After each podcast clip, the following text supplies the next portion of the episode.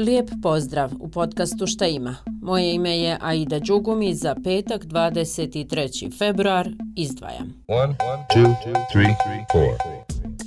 U oči druge godišnjice od agresije Rusije na Ukrajinu, Sjedinjene države danas objavljuju veliki paket sankcija Rusiji. Dva su razloga. Jedan dvogodišnji rat u Ukrajini, a drugi smrt opozicijonog lidera Alekseja Navalnog. Da su sankcije pripremljene, potvrdio i predsjednik Amerike Joe Biden.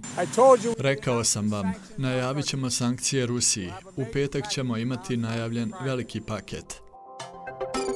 Paket će držati Rusiju odgovornom za ono što se dogodilo gospodinu Navalnom i za njegove postupke tokom rata u Ukrajini, rekao je glasnogovornik Bijele kuće za nacionalnu sigurnost John Kirby, ne iznoseći detalje o mjerama sankcija. Kirby je rekao novinarima da Sjedinjene države vrše pritisak na Rusiju za potpunu transparentnost o tome kako je Navalni umro u kaznenoj koloniji. Zatvorska služba je tada saopštila da je Navalni pao u nesvijest nakon šetnje i umro, američki predsjednik Joe Biden okrivio je tada ruskog predsjednika Vladimira Putina. Sjedinjene države su već uvele široku lepezu sankcija u vezi sa invazijom Rusije na Ukrajinu 2022. i Evropska unija je uvela nekoliko paketa sankcija Moskvi, ukupno 12, a sprema se usvojiti i 13. paket u oči druge godišnjice početka ruske invazije na Ukrajinu 24. februara. Istim povodom u Sarajevu se danas održava konferencija Dezinformacije i strani uticaji, koju je organizovala Balkanska istraživačka mreža u Bosni i Hercegovini.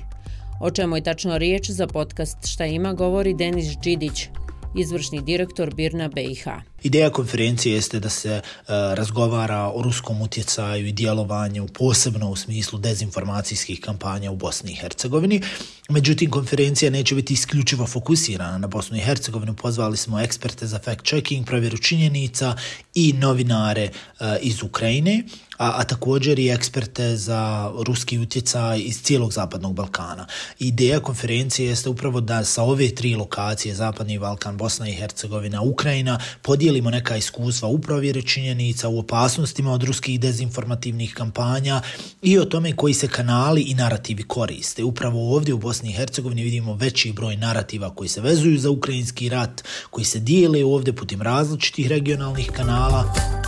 Danas će biti održan zajednički koncert mladih iz Sarajeva, Istočnog Sarajeva i Niša. Muzika spaja je kampanja koju su u okviru projekta Pro budućnost počele muzičke škole iz Sarajeva i Istočnog Sarajeva uz podršku lokalnih vlasti, kako bi u vremenu velikih podjela u društvu pokazali da umjetnost spaja. Nakon zajedničkog koncerta održanog u decembru 2022 te oslikavanja identičnih murala na fasadama ovih škola u junu 2023. Ove godine muzika spaja, a na scenu stupa sa novim prijateljima, pop rock školom iz Sarajeva te čarobnom notom iz Niša u Srbiji.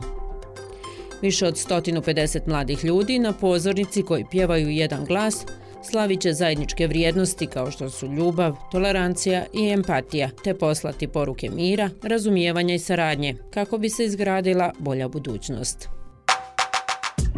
Fizička aktivnost i poticanje građanskog angažmana ciljevi su Mostarske humanitarne trke od dužine 4 km. Mostarke i Mostarci će tako prikupljati sredstva koje će namijeniti opremanju dnevne sobe na dječjem odjelu klinike za dječje bolesti u Sveučilišnoj kliničkoj bolnici Mostar. Ova humanitarna utrka održava se godinama, čime se pruža podrška različitim udruženjima i ustanovama u njihovom radu. I za kraj jedno upozorenje. Federalni hidrometeorološki zavod ističe da je danas i sutra na snazi naranđasti meteo alarm kao upozorenje na jak vjetar ponegdje olujne jačine. Mogući udari juga su od 40 do 60 na planinama i visoravnima od 60 do 80 km na sat. Prema Svjetskoj meteorološkoj organizaciji treba da budete spremni na smetnje, oštećenje i rizik za povrede od iščupanih stabala i krhotina koje nosi vjetar. Prekidi uz nadbijevanju električnom energijom su mogući. Eto, čuvajte se vjetra, odmorite za vikend i čujemo se nekom drugom prilikom.